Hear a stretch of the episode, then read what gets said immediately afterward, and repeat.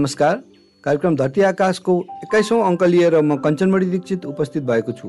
मलाई प्रविधिमा सृजना भुजेलले साथ दिइरहनु भएको छ। यो कार्यक्रम हरेक शनिबार बिहान ठिक आठ पाँच बजीदेखि आधा घन्टासम्म काठमाडौँमा रहेको radio Candid ninety two point seven मेगाहर्सबाट प्रसारण हुने गर्छ। तपाईँले हामीलाई रेडियो क्यान्डिडको वेबसाइट रेडियो क्यान्डिडको एप्स डाउनलोड गरेर वा हाम्रो फेसबुकमा लाइभ सुन्न सक्नुहुन्छ। आजकै साँझ आठ तिस बजी यो कार्यक्रम पुनः प्रसारित हुनेछ। यो कार्यक्रम रेडियो क्यान्डिड र सामाजिक तथा वातावरणीय परिवर्तन अध्ययन संस्था आइसेट नेपालको सहकार्यमा तयार भएको छ। धरती र आकाशभित्र पर्ने हावा पानी र समग्र वातावरणसँग सम्बन्धित विषयबारे जानकारी यस कार्यक्रम मार्फत तपाईँलाई दिने प्रयास गरेका छौँ। वातावरण जलवायु परिवर्तनसँग सम्बन्धित विषयलाई जो कोहीले पनि बुझ्न सक्ने सरल भाषामा प्रस्तुत गर्ने हाम्रो उद्देश्य हो। साथै विभिन्न क्षेत्रमा काम गर्ने व्यक्तिहरूको जलवायु परिवर्तन सम्बन्धी धारणा र उहाँहरूको कामको अनुभव बुझ्ने प्रयास हामी यस कार्यक्रम मार्फत गर्नेछौँ। गत हप्ता हामीले डाक्टर विनोद पोखरेलसँग जलवायु परिवर्तन र उहाँको अनुसन्धानबारे कुराकानी गरेका थियौँ। आज हामीसँग राजन थापा हुनुहुन्छ। राजनजी जलवायु परिवर्तन विषयमा काम गर्दै हुनुहुन्छ र उहाँ यसै वर्ष ग्लास्कोमा भएको जलवायु परिवर्तन सम्मेलन कोप ट्वेन्टी सिक्समा भाग लिएर आउनुभएको छ। आउनुहोस् आज हामी उहाँसँग वातावरण र जलवायु परिवर्तनका कुराकानी गरौँ। स्वागत छ तपाईँलाई कार्यक्रम धरती आकाशमा। हजुर धन्यवाद। तपाईँले जलवायु परिवर्तन सम्बन्धी र वातावरण सम्बन्धी पढ्नु भएको छ र यसैमा मास्टर्स पनि गर्नुभयो र काम पनि गर्दै हुनुहुन्छ। आजकल के कस्तो विषयमा अध्ययन र अनुसन्धान गर्दै हुनुहुन्छ? हजुर धन्यवाद। वातावरणको क्षेत्रमा काम गर्न थालेको त लगभग चौध वर्ष जस्तो भयो। र मेरो अलिकति भनौँ न काम गर्ने विषय भनेको नै जलवायु परिवर्तन अनि वायु प्रदूषणमा बढी दखल राख्छु मैले। र जलवायु परिवर्तनको कुरा गर्दाखेरि धेरै अध्ययन अनुसन्धानहरू गरेको छु र भर्खरै मात्र हामीले चाहिँ एउटा यो जलवायु परिवर्तनले हुने हानि नोक्सानीको विषयमा चाहिँ अध्ययन गरेका थियौँ। र त्यो अध्ययन चाहिँ हामीले तिनवटा जिल्लालाई आधार मानेर दैलेख अछाम र बर्दिया जिल्लालाई आधार मानेर हामीले त्यसको अध्ययन गरेको थियौँ। जस्तो यो हानि तथा नोक्सान एउटा पेचिलो मुद्दाको रूपमा चाहिँ विश्वव्यापी रूपमा अगाडि बढिरहेको छ। त्यसमा पनि जलवायु परिवर्तनले नै हो कि अथवा अरू नै कारणले गर्दाखेरि भइराखेको हो त भन्ने विषयमा चाहिँ हामीले अध्ययन गरेको थियौँ र त्यो अध्ययनलाई आधार मानेर हेर्दाखेरि चाहिँ अति कम भनेको चाहिँ लगभग लगभग एक लाखदेखि लिएर कुनै कुनै मान्छेले चाहिँ लगभग चौतिस लाखसम्म चाहिँ क्षति बेहोरेको हामीले देख्यौँ होइन? त्यो चाहिँ जलवायु परिवर्तनको प्रत्यक्ष असर अथवा प्रत्यक्ष मारमा परेको र उनीहरूलाई सपोर्ट गर्ने कुरा होइन? उहाँहरूलाई कसले चाहिँ सहयोग गरिरहेको छ त भन्दाखेरि स्थानीय निकाय चाहिँ पहिलो रूपमा अगाडि आएका छन्। पहिलो सहयोगकर्ताको रूपमा अगाडि आएका छन्। तर उनीहरूको सहयोग भनेको घर बनाइदिनको लागि थोरै क्यास होइन रकम हस्तान्तरण गर्ने अथवा अरू सङ्घ संस्थाहरूले खाद्यान्नहरू वितरण गर्ने। तर दिगो रूपमा हेर्दाखेरि अथवा लामो समयमा हेर्ने हो भने चाहिँ उहाँहरूलाई पहिलाकै अवस्थामा पुग्नको लागि जति पनि सहयोगहरू भएको छन् त्यो अपुग छ र उहाँहरू आफै ऋण अथवा अरू विभिन्न ठाउँबाट सहयोग जुटाएर अगाडि बढेका छन्। यस्ता खालका कुराहरू चाहिँ जलवायु परिवर्तनले भोलिको दिनमा अझ थप बढाउने भन्ने खालको कुराहरू चाहिँ हाम्रो त्यो रिसर्चबाट भनौँ त्यो अनुसन्धानबाट चाहिँ देखिएको छ र त्यसलाई चाहिँ हामीले यसपालिको कप भनौँ न ग्लास्कोमा नै हामीले त्यसलाई भनौँ न त्यो प्रस्तुत पनि गरेका थियौँ र हाम्रो यहाँबाट भनौँ न वातावरण मन्त्रालयको वन तथा वातावरण मन्त्रीज्यूले चाहिँ त्यसलाई प्रस्तुत गर्नुभएको थियो। जलवायु परिवर्तनको कुरा गर्दाखेरि यो हानि तथा नोक्सानीको एस्टिमेट गर्नको लागि हामीलाई एट्रिब्युसन चाहिन्छ। जलवायु परिवर्तनले गरे भनेर भन्नुपर्छ होइन? त्यो भन्नको लागि हामीसँग एभिडेन्स पुग्छ कि पुग्दैन? र गत अक्टोबरको तपाईँले याद छ भने ठ्याक्क मनसुन सकिने बित्तिकै किसानहरूले चाहिँ नि ठुलो नोक्सानी भोग्नु पर्यो होइन? करोडौँको अरबौँको चाहिँ नि नोक्सानी भयो भने यसलाई हामी जलवायु परिवर्तनसँग जोड्न सक्छौँ कि सक्दैनौँ? पक्कै पनि होइन। अब आर्टिब्युसनको कुराहरू चाहिँ धेरै अगाडि आइरहेको छ तर हामीले आर्टिब्युसन भन्ने बित्तिकै ओन्ली यो साइन्टिफिक डेटालाई मात्रै फोकस गर्ने हो कि अथवा हाम्रो अनुभवलाई पनि आधार मान्ने हो भन्ने कुरालाई चाहिँ हेर्नुपर्छ। जस्तो आर्टिफिसनको कुरा गर्दाखेरि अब हामीले क्लाइमेट चेन्जको डेटालाई हेर्ने हो भने विशेष गरेर अब हामीले प्रिसिपिटेसन र टेम्परेचरको डेटालाई थर्टी इयर्स होइन तिस वर्षको डाटालाई चाहिँ हामीले हेर्ने हो र त्यसमा कस्ता खालका परिवर्तन आएका छन् र त्यो परिवर्तन साँच्चीकै त्यो जुन स्थानमा घटना घटेको छ त्यसमा देखिएको छ कि छैन भन्ने कुराले चाहिँ जलवायु परिवर्तनलाई हामीले आकलन गर्न सक्छौँ। तर पछिल्लो समयमा ल साइन्टिफिक डेटा छैन भने भने पनि उदाहरणको लागि हामीले हेरौँ न त मुस्ताङ होइन मनाङ जहाँनिर चाहिँ हिउँ मात्रै पर्थ्यो भन्ने खालको कुरा थियो। अब अहिले पछिल्लो समयमा चाहिँ पानी र त्यहीँ पहिरो गइरहेको छ। उनीहरूको छाना चाहिँ फ्ल्याट छ होइन उहाँहरूले चाहिँ हिउँ माथि हुन्छ त्यसलाई चाहिँ तल फाल्ने भन्ने मात्रै हो। तर अहिले पछिल्लो समयमा पानी क्रम पर्ने क्रम ज्यादा हुँदाखेरि चाहिँ उहाँहरूले टिनको छाना लगाउन थाल्ने ढलान गरेर घरहरू बनाउने भने पछाडि यो एट्रिब्युसन होइन त भन्ने खालको कुराहरू पनि छ होइन? त्यसले गर्दाखेरि हामीले साइन्टिफिक डेटालाई पनि अगाडि लिएर जानुपर्छ। सँगसँगै चाहिँ हामीले कति ठाउँमा चाहिँ जहाँनिर जुन तथ्याङ्कको ग्याप छ त्यो ग्यापलाई मिनिमाइज गर्नको लागि चाहिँ त्यस्ता खालका अनुभवहरूलाई पनि लिएर चाहिँ अगाडि जान सक्यौँ भने पक्कै पनि राम्रो हुन्छ जस्तो चाहिँ लाग्छ। यो प्रेसिपिटेसनको डेटाको कुरा गर्नुभयो होइन? यो डेटाको कुरा गर्दाखेरि केही वर्ष अगाडि हामीलाई आइपिसिसीले चाहिँ नि वाइट स्पटभित्र राखेको थियो डेटा ग्याप भनेर होइन। अहिले हेर्छौँ हेर्दा खासै केही इम्प्रुभ भएको छैन। हामीसँग रेनफल डेट मेजरमेन्टको त्यति चाहिँ नि धेरै राखिएको छैन। त्यो हुँदा हुँदै पनि हामीले साइन्टिफिक स्टडीहरूमा यो ग्यापलाई चाहिँ कसरी फुलफिल गर्न सक्छौँ अब यस्तो छ अब हामीले भनौँ तथ्याङ्कलाई आधार मानेर हेर्ने हो भने होइन विशेष गरी प्रिसि प्रिसिपिटेसनको चाहिँ एउटा स्थानमा छ होइन उनीहरूको स्टेसन चाहिँ छ तर त्यसले चाहिँ के दिँदैन भन्दाखेरि माइक्रो क्लाइमेटको चाहिँ इन्फर्मेसन हामीलाई दिँदैन होइन? त्यसले चाहिँ अब हामीले के गर्छौँ भन्दाखेरि त्यसलाई नै रिफरेन्स लिएर त्यसको टेरिटोरीमा यति पानी पर्छ है भन्ने अनुमान अथवा यति पानी पर्यो भन्ने वेमा हामी जाने हो होइन? त्यसले गर्दाखेरि डेटा ग्याप चाहिँ पक्कै पनि छ। तर त्यो तथ्याङ्क अथवा त्यो डेटाको ग्यापलाई चाहिँ हामीले कसरी पनि फुलफिल गरिरहेको छौँ त भन्दाखेरि रिफरेन्स अरू स्टेसनहरूलाई होइन? नजिकै नजिकैमा भएका स्टेसनहरू त्यसले अघि मैले भनेको जस्तो माइक्रो क्लाइमेट त पक्कै दिँदैन तर एउटा सिनारियो चाहिँ त्यसले बिल्ड गर्नलाई मद्दत गर्छ। र आइपिसिसीले पहिला हामीलाई जुन हिसाबमा राखेको थियो तर अहिले पछिल्लो समयमा नेपालमा हामीले हेऱ्यौँ भने चाहिँ डेटामा एग्रेसिभली भनौँ कामहरू चाहिँ अगाडि बढिराखेको छ होला। पहिला चाहिँ अलिकति ग्यापहरू थियो भन्ने खालको कुराहरू चाहिँ छ। अझै पनि केही ग्यापहरू चाहिँ छ तर धेरै ग्याप चाहिँ मिनिमाइज भइसकेको अवस्था चाहिँ हो। र पछिल्लो समयमा हामीले जुन फोरकास्टको कुरा गर्ने हो भने वेदर फोरकास्टलाई हेर्ने हो भने लगभग मिल्न थालेको छ। पहिलातिर भने मिल्दैन थियो होइन। नयाँ राडर सिस्टमहरू चाहिँ जडान भएको र हाइटेक प्रणालीमा चाहिँ अगाडि बढिरहेको हुँदाखेरि चाहिँ पहिलाको भन्दा केही सुधार चाहिँ भएको छ तर यो भनिरहँदाखेरि चाहिँ स्टिल हामीले डेटामा चाहिँ काम गर्नुपर्ने चाहिँ देखिन्छ। यो वेदर स्टेसनहरूको कुरा गर्दाखेरि यो सुधार भएको कारण हाम्रो यहाँ राखिएको टेक्नोलोजी अपग्रेड भएर हो कि विदेशमा राखिएको टेक्नोलोजी अथवा चाहिँ हाइफाई सेटेलाइटको इमेजहरू अथवा सेटेलाइटको सेटेलाइटको इन्फर्मेसनहरूले हामीलाई अलिक एकुरेसी जस्तो लाग्छ? दुइटै नै हो होइन? एउटा चाहिँ सेटेलाइटको कुरा पनि हो एउटा चाहिँ नेपालको हाम्रो स्टेसनको डेटालाई पनि हामीले हेर्न सक्छौँ। जस्तो कतिपय डेटाहरूलाई हामीले हेर्ने हो भने जुन अनलाइन पोर्टलमा चाहिँ एभाइलेबल हुन्छ होइन? जुन रियल टाइम डेटाहरूलाई चाहिँ हेरिराखेको हुन्छ त्यो डेटाहरूलाई चाहिँ नेपालकै स्टेसनबाट पनि आर्काइभ गरेको हामीले देख्न सक्छौँ होइन? जहाँ जहाँ चाहिँ नेपालको आफ्नो स्टेसन छैन त्यसमा चाहिँ सेटेलाइटबाट चाहिँ त्यो डेटालाई भनौँ न पुऱ्याइराखेको पनि देखिरहेको छ त्यो डेटा ग्यापलाई फुलफिल गरेको पनि देखिरहेको छ। त्यसले गर्दाखेरि चाहिँ म के चाहिँ भन्दिनँ भन्दाखेरि जस्ट यो एकदमै हाइटेक अथवा यो सेटेलाइट इमेजलाई मात्रै लिएर अथवा अरू राष्ट्रले चाहिँ गरेकोलाई मात्रै लिएर चाहिँ भएको होइन। यसमा केही न केही हात चाहिँ नेपालको पनि छ होइन? त्यसले गर्दाखेरि चाहिँ एउटा सिनारियोलाई चाहिँ प्रदान गरेको छ र त्यो सिनारियोमा केही ग्यापलाई फुलफिल गर्नको लागि चाहिँ इन्टरनेसनल्ली एभाइलेबल डेटाहरूले चाहिँ ब्याकअप गरेको चाहिँ छ। त्यसरी बुझ्नुपर्छ होला। हामी जलवायु परिवर्तनको कुरा गरिरहेछौँ। हामी अलि टेक्निकल कुरा गरिरहेछौँ होइन? तर हाम्रो यो कार्यक्रमको उद्देश्य चाहिँ नि सरल भाषामा जलवायु परिवर्तन हाम्रो श्रोतालाई बुझाउने हो होइन?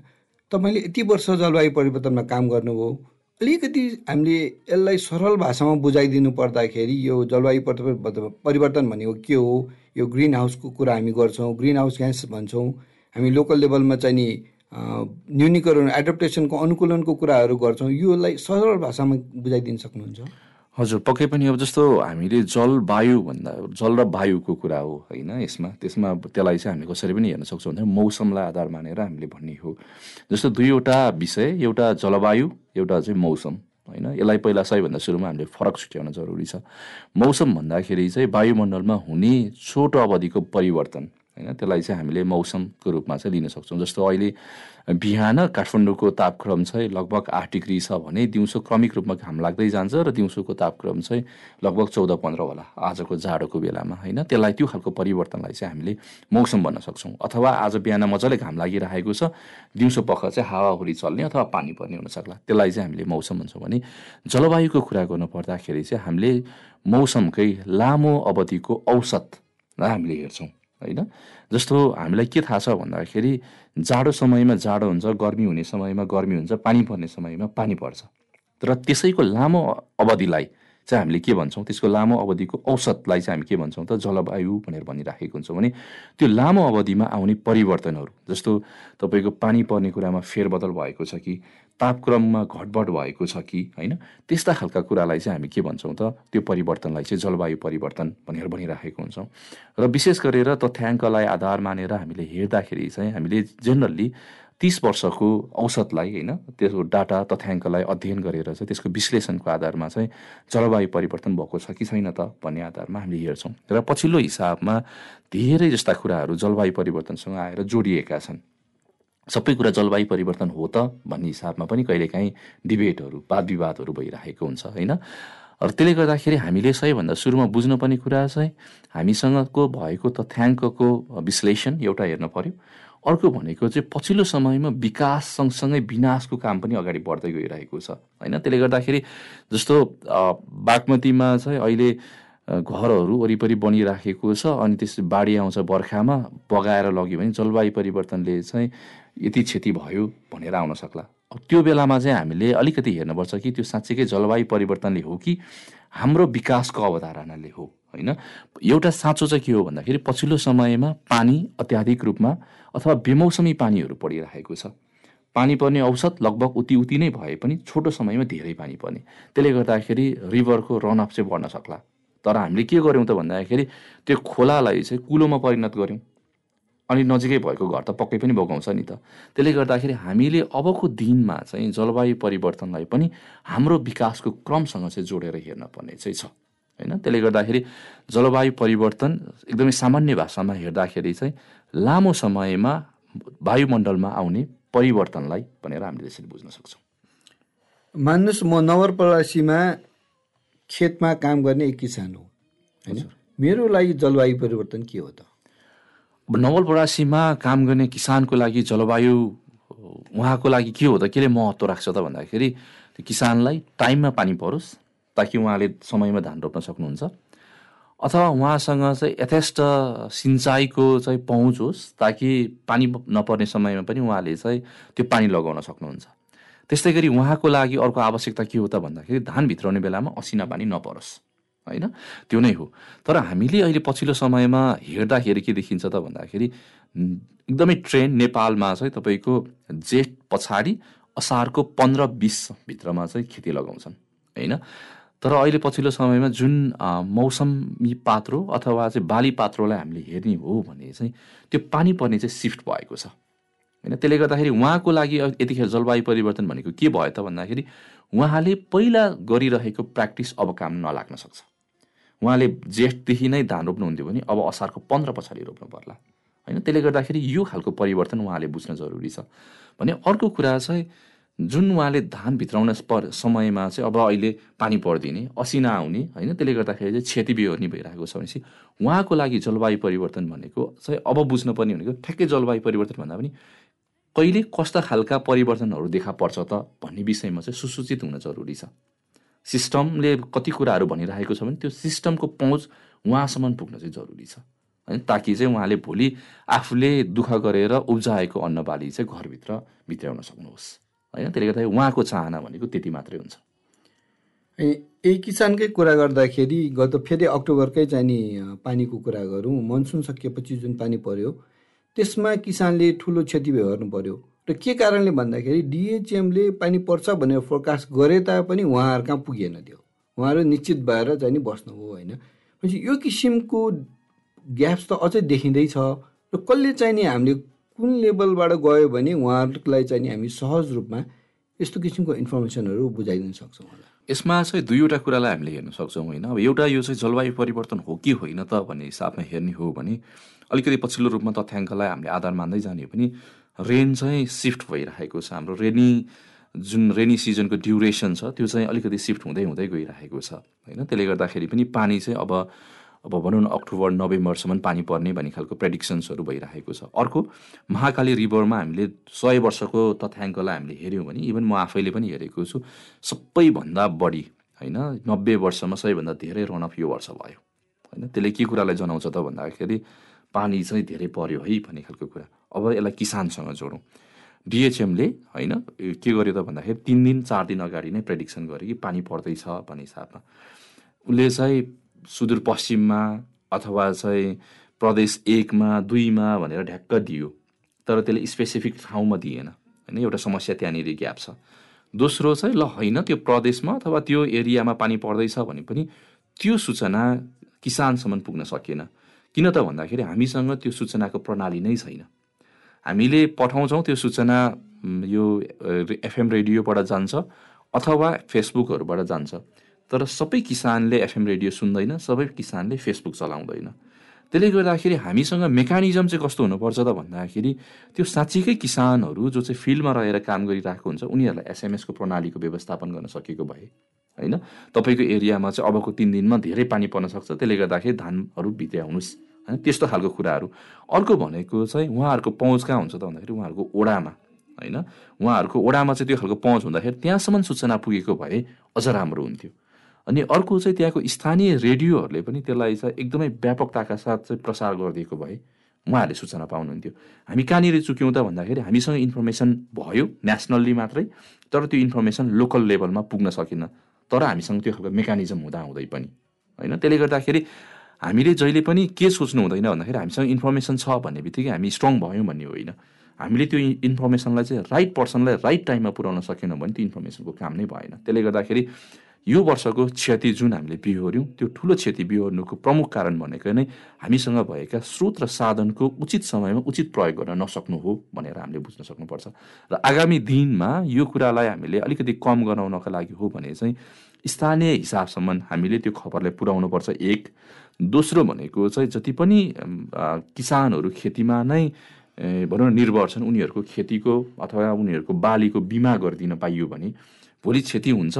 होइन अब कुनै बेला खबर पुग्ला कुनै बेलामा खबर नपुग्ला कुनै बेलामा अरू नै विभिन्न कारणले गर्दाखेरि पनि उनीहरूको हानि नोक्सानी होला। होइन त्यो बेलामा कसले क्षतिपूर्ति दिने त भन्दाखेरि यदि हामीले त्यो खालको स्किम राख्न सक्यो भने थोरै भए पनि किसानले चाहिँ एक हिसाबमा राहत पाउन सक्छन्। त्यो वेमा हामी जान सक्यौँ भने चाहिँ पक्कै पनि क्षति पनि कम गर्न सक्छौँ र उचित यो इन्फर्मेसन त्यो ठाउँमा पनि पुर्याउन सक्छौँ। धन्यवाद धेरै राम्रो कुरा गर्नुभयो। होइन फेरि बिमाको कुरा गर्दा नेपालमा भनौँ न हामीले कोभिडकै बिमाको कुरा गरौँ। कोभिडको बिमा गर्नु भनेर चाहिँ सरकारले आह्वान गर्यो बिमा बिमा गरियो तर अझ पनि करोडौँ रुपियाँ चाहिँ कोभिडको भुक्तानी हुन सकेको छैन होइन। फेरि किसानलाई के पनि डर छ भन्दा डिजास्टर भइसकेपछि त्यो बिमा मैले नपाउने हो कि भन्ने पनि डर छ। यो इन्स्योर गर्न पनि हामीलाई लामो समय लाग्ला किसानहरूलाई बुझाउनलाई है। अब यसो हामी कतातिर जाउँ भन्दाखेरि तपाईँले अघि कुरा पनि गर्नुभयो यसपालिको चाहिँ जलवायु परिवर्तन सम्मेलन कप ट्वेन्टी सिक्समा चाहिँ नि तपाईँ पार्टिसिपेट पनि गरेर आउनुभयो है। के कस्ता डिस्कसनहरू भएको थियो त्यहाँ? नेपालको हितमा जस्तो नेपालले जुन नेट जिरोमा जाने भन्ने कुरा गर्यो नेपालले चाहिँ हामी न्युनिकरण र एडप्टेसनमा जान्छौँ भन्ने के कस्ता चाहिँ निर्णयहरू भयो? अब निर्णयहरूको कुरा गर्दाखेरि धेरै निर्णयहरू बाहिर पनि आइसकेको छ होइन? जस्तो एउटा प्रमुख चुनौती भनेको चाहिँ के हो त भन्दाखेरि अहिले जुन हिसाबमा विश्वव्यापी रूपमा भनौँ न जति पनि राष्ट्रहरूले चाहिँ हामी कार्बन उत्सर्जनलाई कम गर्छौँ भनेर अगाडि बढिरहेका छन् र उनीहरूले आफ्नो जुन एनडिसी भन्छौँ होइन राष्ट्रिय निर्धारित योगदान भनेर। त्यो बुझाइरहँदाखेरि चाहिँ त्यसलाई हामीले आधार मानेर प्रोजेक्सन गर्ने हो भने जुन हामीले पृथ्वीको टेम्परेचर चाहिँ भनौँ तापक्रम एक पोइन्ट पाँचमा लिमिट गर्ने बढ्नमा त्यतिमा लिमिट गर्ने भनेको कुरा चाहिँ त्यो क्रस हुने भन्ने खालको कुरा देखिसक्यो होइन? त्यसले गर्दाखेरि जति पनि विकसित राष्ट्रहरू अथवा अरू विभिन्न मुलुकहरू जो चाहिँ यसमा ठुलो हिस्सा राख्छ जलवायु परिवर्तन अथवा कार्बन उत्सर्जनमा उनीहरूले चाहिँ अझ एम्बिसियस प्लानहरू बनाउनको लागि चाहिँ जरुरी छ। जुन चाहिँ यसपालि एकदमै पेचिलो रूपमा चाहिँ डिस्कस भयो। त्यस्तै जति पनि विकसित राष्ट्रहरूले चाहिँ यो जुन कार्बन न्युट्रल होइन उनीहरू चाहिँ अब शून्य कार्बन उत्सर्जनमा जाने भनेर एक खालको कमिटमेन्ट गर्न पर्ने थियो। त्यो कमिटमेन्ट चाहिँ ड्युरेसन झन् पछाडि पछाडि सार्दै गइरहेको छन् होइन? कसैले दुई हजार पैँतालिस भनेको छ कसैले दुई हजार पचास भनेको छ दुई हजार सत्तरीसम्म होइन? जस्तो हाम्रो इन्डियाको कुरा गर्दाखेरि यसले चाहिँ के देखाउँछ त भन्दाखेरि सबै राष्ट्रहरू उत्तिकै रूपमा जलवायु परिवर्तनको विषयमा भनौँ न पेचिलो रूपमा अथवा चाहिँ त्यसले साँच्चीकै त्यसलाई न्यूनीकरण गर्नको लागि चाहिँ अगाडि बढेको छ कि छैन त भन्ने विषयमै ठुलो प्रश्न चिन्ह उठाएको छ। अब नेपालको हिसाबमा हो नेपालले हामीले बुझाएको जुन राष्ट्रिय निर्धारित योगदान छ दोस्रो सेकेन्ड एनडिसी पनि भनेर भन्छौँ। त्यसमा हामीले हेर्ने हो भने दुई हजार पैँतालिसभित्रमा हामी नेट जिरोमा हामी जाने भनेको छौँ। तर त्यो नेट जिरोमा जानको लागि चाहिँ हामीलाई सहयोग चाहिन्छ आर्थिक सहयोग पनि चाहिन्छ भन्ने खालको कुराहरू छ। त्यस्तै गरेर नेपालले अरू विभिन्न टार्गेटहरू सेट गरेको छ होइन? लगभग पैँतालिस प्रतिशत चाहिँ जमिन हाम्रो वन क्षेत्रले ओगट्ने यस्ता खालका कमिटमेन्टहरू चाहिँ हामीले गरेको छौँ। तर हाम्रो लागि एकदमै आवश्यक चिज भनेको छलफलको विषय के थियो त भन्दाखेरि जलवायु परिवर्तनबाट सिर्जित हुने हानि तथा नोक्सानी हामी climate induce loss and damage भन्छौँ। त्यसमा नेपालमा कोप हुनुभन्दा अगाडि पनि ठुलो डिस्कसनहरू भएको थियो। हाम्रो डिमान्ड के हुन्छ भन्ने हिसाबमा कुराकानी भएको थियो भने नेपालले चाहिँ हामीहरू जस्तै अति कम विकसित राष्ट्रहरूको समूहबाट चाहिँ आफ्नो मुद्दालाई अगाडि सारेको थियो। तर दुर्भाग्य के भन्नुपर्छ भन्दाखेरि यसपालि त्यसलाई अगाडि लिएर जाने एउटा मेकानिजममा मात्रै छलफल भयो तर त्यसको लागि छुट्टै हामीले पाउने सहयोग होइन यो लस एन्ड ड्यामेज फाइनेन्सको कुराहरू चाहिँ केही पनि त्यो निचोडमा पुग्न सकेन। त्यस्तै गरेर हामीले के थियो भन्दाखेरि दुई हजार बिस पछाडिदेखि चाहिँ हरेक वर्ष हन्ड्रेड बिलियन युएस डलर चाहिँ यस्तै भन्न जलवायु परिवर्तनको जोखिममा रहेको राष्ट्रको सहयोगको लागि चाहिँ परिचालन हुने भन्ने खालको कुरा थियो। तर त्यो कोष चाहिँ अझै पनि हन्ड्रेड बिलियनमा पुग्न सकेको छैन। होइन? त्यसलाई चाहिँ थप अगाडि लिएर गएको छ भने अब दुई हजार पच्चिस पछाडि चाहिँ त्यसलाई डबल गर्ने भन्ने हिसाबमा अझ थप थप एम्बिसियस बनाउँदै लिएर गइयो तर हामीसँग चाहिँ त्यसलाई त्यो जुन कमिटमेन्ट पहिला नै भएको थियो त्यो कमिटमेन्टलाई हामीले पुरा गर्न सकेको छैन। त्यसले गर्दाखेरि डिस्कसन इन अ सेन्स भइरहेको छ। सबै राष्ट्रहरूले एउटा चिन्ता चाहिँ व्यक्त गरिरहेका छन्। तर त्यो चिन्ता व्यक्त भइरहँदाखेरि हामीहरू जस्तो अति कम विकसित राष्ट्र र जलवायु परिवर्तनको प्रत्यक्ष मारमा रहेको राष्ट्रले चाहिँ अबको दिनमा सहयोगको लागि होइन? यो डेभलप कन्ट्रीबाट चाहिँ सहयोगको लागि चाहिँ अलिक बढी नै एडभोकेसी गर्नुपर्ने हो कि भन्ने खालको कुरा चाहिँ त्यसले देखायो। भने नेपालले जति पनि डकुमेन्टहरू बुझाएको छ होइन? न्याप भनौँ एनडिसी भनौँ अनि हाम्रो चाहिँ यो क्लाइमेट फाइनेन्सको स्ट्राटेजीको कुराहरू यी सबै कुरालाई हेर्दाखेरि नेपाल आफ्नो स्रोत र साधनमा भन्दा पनि अरू विकसित राष्ट्रमा चाहिँ धेरै निर्भर भएको हामी देखेको छौँ। त्यसले गर्दाखेरि त्यो सहयोग नभएसम्म हाम्रो जोखिममा रहेको समुदायको जोखिम अथवा भनौँ न त्यसको भर्नेबिलिटीलाई हामी कम गर्न सक्दैनौँ। त्यसले गर्दाखेरि त्यो पार्टमा चाहिँ नेपालले अलिकति डिस्कस लबी गर्न सक्यो भने यो कप ट्वेन्टी सिक्सले दिएको रोड म्याप र अब आउने आगामी दिनको कपहरूमा चाहिँ अलिकति सार्थकता पाउन सक्छ कि भन्ने एउटा सन्देश चाहिँ हामीले त्यहाँबाट बोकेको छौँ। यो जलवायु परिवर्तनको मुद्दा हामीले मात्र अगाडि सारेको जस्तो लाग्छ कि तपाईँलाई विकसित राष्ट्रहरूलाई पनि इन्ट्रेस्ट छ होइन? उहाँहरूलाई कुनै न कुनै रूपमा इङ्गेज त हुनु छ तर फेरि पैसा पनि दिनलाई त्यति उदारता देखिँदैन। होइन कस्तो लाग्छ तपाईँलाई? हो पक्कै पनि अब उहाँहरूको एउटै मात्र एजेन्डा भनेको चाहिँ हो पक्कै पनि उहाँहरू पनि चाहिँ यो विषयमा चिन्तित भएको नभएको भन्ने चाहिँ होइन। एउटै कुरा के हो त भन्दाखेरि उहाँहरूले पहिला जतिखेर चाहिँ यो इन्डस्ट्रियल रिभोल्युसन भयो त्यो बेलादेखिको कुरा आउँछ होइन? उहाँहरूले धेरै उत्सर्जन गर्नुभयो उहाँहरू विकासमा जानुभयो। अहिले हामीहरू चाहिँ विकासको क्रममा छौँ तर हामी धेरै उत्सर्जन गर्न पाउँदैनौँ भन्ने खालको यो डिबेट र उहाँहरूले चाहिँ हामीलाई टेक्निकल्ली अथवा फाइनेन्सियल्ली पनि असिस्ट गर्नुपर्छ भन्ने कुराहरू। र उहाँहरूको एउटै मात्रै अलिकति धारणा के हो त भन्दाखेरि धेरै सहयोग गर्न नपरोस् होइन? त्यो पैसा आफ्नै देशमा रहोस्। भन्ने खालको कुरा नै हो। त्यसले गर्दाखेरि यही बिचमा रहेर नै डिस्कसनहरू चाहिँ अगाडि बढेको तर हामीहरू जस्तो देश होइन जो चाहिँ अब विकासको क्रममा अगाडि बढिरहेको छौँ भने एक अब प्रत्यक्ष जलवायु परिवर्तनको असर देखिन थालिसकेको छ होइन? हाम्रो हिमतालहरू विस्फोट हुने क्रममा छन् हाम्रो कतिपय नदीनालाहरू सुक्ने क्रममा छन् खेती प्रणालीमा नै परिवर्तन आइसकेको छ होइन? यी सबै कुराहरू चाहिँ प्रत्यक्ष रूपमा देख्दाखेरि अब हामीलाई अनुकूलन र न्यूनीकरण जानको लागि चाहिँ हाम्रै स्रोत साधन नै भ्याउँदैन। त्यसले गर्दाखेरि हामीलाई त पक्कै पनि सहयोग चाहियो। त्यो सहयोग दिने मामिलामा उहाँहरूको कन्जुस्याई हो। होइन यही विषयमा नै डिबेट हो। अब अरू विष अरू धेरै टेक्निकल साइन्टिफिक विषयमा लबी डिस्कसनहरू त आफ्नो ठाउँमा छ। तर हामीले बुझ्नुपर्ने डिस्कसन भनेको चाहिँ यसैमा नै लिमिट छ है भन्ने तरिकाले हामीले बुझ्नु पर्यो। र अर्को डिस्कसन भनेको चाहिँ पृथ्वीको तापक्रमलाई बढ्नबाट कसरी रोक्ने? होइन त्यो विषयमा नै चाहिँ बढी छलफल हो भनेर हामीले बुझ्न सक्छौँ। धन्यवाद। अब तपाईँको अर्को विषयमा हामी छलफल सुरु गरौँ होइन। तपाईँको अर्को विषय भनेको पोल्युसन पनि हो। आज बिहान छ बजेको चाहिँ नि काठमाडौँको पोल्युसन हेर्दाखेरि जोखिम व्यक्तिहरूको लागि अति नै चाहिँ नि अनहेल्दी भनेर देखाइरहेछ होइन। अब हामी एकातिर जलवायु परिवर्तनको कुरा गर्दैछौँ चाहिँ नि न्यूनीकरण एडप्टेसन कुरा गरेर हामी चाहिँ नि आफू स्टेबल हुने कुरा गर्दैछौँ। अर्कोतिर हेर्ने हो भने हामी प्रदूषणको लेभलबाट झन्झन झन्झन बढ्दैछ। होइन काठमाडौँ जस्तो यो कोचौरामा खाल्डो खाल्डोमा भएको ठाउँमा त झन् अति नै डरलाग्दो छ। कहाँ हामी कहाँ चुकिरहेछौँ? के भइरहेको छ? पक्कै पनि जस्तो यसमा रिलेसनसिप पक्कै पनि छ है जलवायु परिवर्तन र यो वायु प्रदूषणको कुरा गर्दाखेरि त यो जति उत्सर्जन हुन्छ त्यति नै त्यसले नै असर गर्ने हो। एउटै कुरा भनेको चाहिँ ग्यासियस पोलुटेन्ट हो कि अथवा धुलोका कण हो पार्टिकुलेट म्याटर हो भन्नेले मात्रै डिफ्रेन्सिएसन गर्ने हो।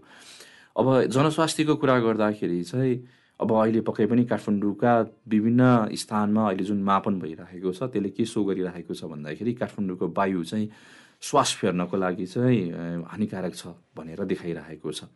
यसको दुईवटा कारण अब एउटा चाहिँ हाम्रो भू बनावट होइन काठमाडौँको कचौरा आकारको अघि हजुरले भनिहाल्नु भयो त्यसले चाहिँ एकदमै ठ्याक्क जति पनि ग्राउन्ड लेभलबाट चाहिँ निस्किएका धुलोका कणहरू अथवा धुवा धुलो जति छ त्यो स्वाटै बाहिर जान सक्दैन। त्यो घुमिरहन्छ अनि अहिले चिसोको क्रममा त्यो माथि जाने भन्दा पनि त्यो डाइरेक्टली सेटल डाउन हुँदाखेरि चाहिँ बिहानखेरि झन् प्रदूषणको मात्रा चाहिँ बढिरहेको हामीले देख्न सक्छौँ। र अर्को चाहिँ यो किन भइरहेको छ त भन्दाखेरि चाहे त्यो जलवायु परिवर्तन होस् चाहे यो वायु प्रदूषणको कुरा होस् यो चाहिँ एकदमै सिजनल हुन्छ। तपाईँको क्लाइमेट चेन्जको चाहिँ यो कप आउनुभन्दा तिन चार महिना अगाडिदेखिबाट यो जलवायु परिवर्तनको डिस्कसन सुरु हुन्छ। जतिखेर चाहिँ जाडो महिना सुरु हुन्छ त्यतिखेरदेखिबाट चाहिँ यो तपाईँको वायु प्रदूषणको डिस्कसन सुरु हुन्छ। तर हामीले हेर्ने हो भने पानी पर्ने बेलामा मात्रै हो नि त हाम्रो प्रदूषण कम हुने। त्योभन्दा अघि पछि त बढिरहेको छ।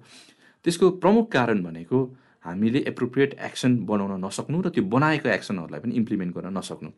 एउटा ग्रिन स्टिकर हामीले धुवाको लागि भनेर अथवा कति उत्सर्जन गर्न पाउने त भन्ने हिसाब राखेको छौँ। त्यो हामीले हेर्न सकेको छैनौँ। त्यस्तै गरेर चाहिँ इलेक्ट्रिक भेहिकललाई प्रमोसन गर्ने भनेर हामीले भनिरहेको छौँ।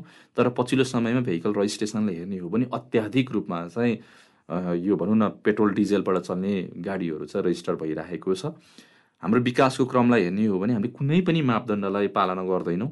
रोड साइडमा कन्स्ट्रक्सन छ भने त्यसलाई छोपेर गर्नुपर्छ खुल्लेआम गरिराखेको हुन्छौँ। अनि सडकमा नै हामी चाहिँ यो फोहोर मैला बाल्छौँ। अनि अरू पनि भनौँ न यो केही कुराहरू भयो भने एक ठाउँमा थुपार्ने अनि आगो लगाइदिने मात्रै हो। यो सरकारी निकायमा इभन सिंहदरबारभित्र नै आगो बालेर चाहिँ त्यो पातपुतिङहरूलाई व्यवस्थापन गरेको हामी देख्न सक्छौँ। त्यसले गर्दाखेरि यो भनेको चाहिँ के हो त भन्दाखेरि हामी सबैले देखेको उपायलाई पनि अवलम्बन नगरेको कारणले गर्दाखेरि यो खालको अवस्था चाहिँ आएको हो। त्यसले गर्दाखेरि हामीले यी विषयलाई चाहिँ एउटा भनौँ न समसामयिक रूपमा अथवा यसलाई समग्र रूपमा चाहिँ प्रस्तुत गरेर अगाडि जान सकेनौँ भने न जलवायु परिवर्तनको कुरालाई हामीले व्यवस्थापन गर्न सक्छौँ न वायु प्रदूषणको कुरालाई चाहिँ व्यवस्थापन गर्न सक्छौँ। त्यसलाई गर्दाखेरि इन्टिग्रेटेड वेमा चाहिँ हामीले यो कुरालाई अगाडि लिएर जान सक्यौँ भने चाहिँ पक्कै पनि समाधानको रूपमा चाहिँ अगाडि जान सक्छौँ होला।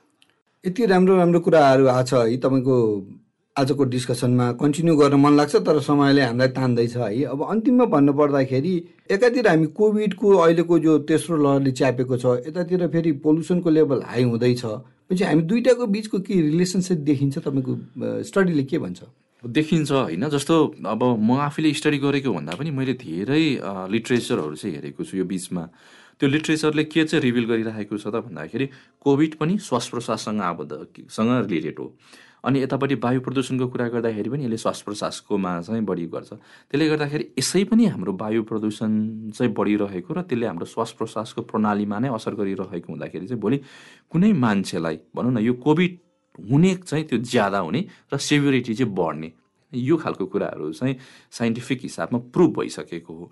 त्यसले गर्दाखेरि चाहिँ हामीले कोभिडको सङ्क्रमण दरलाई भन्दा पनि त्यसको असरलाई कम गर्ने हो भने चाहिँ पक्कै पनि हामीले वायु प्रदूषणलाई पनि कम गर्नतिर लाग्यौँ भने चाहिँ भोलि यसले श्वास प्रश्वासमा निम्ता ए, रोगलाई चाहिँ हामीले कम गर्न सक्छौँ। किन भन्दाखेरि अब हामीले एनुअल डेटालाई फोकस गर्ने हो भने लगभग पैँतालिस हजारजना मान्छे चाहिँ वार्षिक रूपमा वायु प्रदूषण यो इन्डोर र आउटडोरले गर्दाखेरि मरिरहेको भनेर देखिरहेको छ। कोभिडको अहिले एराउन्ड बाह्र हजार जस्तो भयो। भोलि यो पनि दुइटै श्वास प्रश्वाससँग नै सम्बन्धित हो नि त। त्यसले गर्दाखेरि यो विषयमा चाहिँ एकदमै यो एक एक अर्कामा चाहिँ आबद्ध छ र हामीले चाहिँ स्वास्थ्यको मापदण्डलाई चाहिँ हेर्नेको लागि पनि वायु प्रदूषण कम गर्नुपर्छ। जतिखेर हामीले वायु प्रदूषण कम गर्छौँ पक्कै पनि यसले कोभिडबाट मर्ने दरलाई पनि कम गर्न चाहिँ सक्छ। हस् धन्यवाद। तपाईँलाई धेरै धेरै धन्यवाद। धरती आकाशलाई समय दिनुभयो। हस् धेरै धन्यवाद। हस् त। आजको कार्यक्रम तपाईँलाई कस्तो लाग्यो? हाम्रो email info at radio candy dot com वा हाम्रो फोन नम्बर चार दुई दुई दुई तिन आठ शून्यमा प्रतिक्रिया दिन नभुल्नुहोला। आजलाई भने कार्यक्रम धरती आकाशबाट यहीँ विश्राम लिन्छु। प्रविधि संयोजक सृजनाजीलाई धन्यवाद। आगामी शनिबार फेरि भेट हुनेछ। वातावरण संरक्षण गर्न आजैबाट एक पाइला अघि बढौँ। तबसम्म म कञ्चनमणि दीक्षित पनि बिदा भएँ। नमस्कार।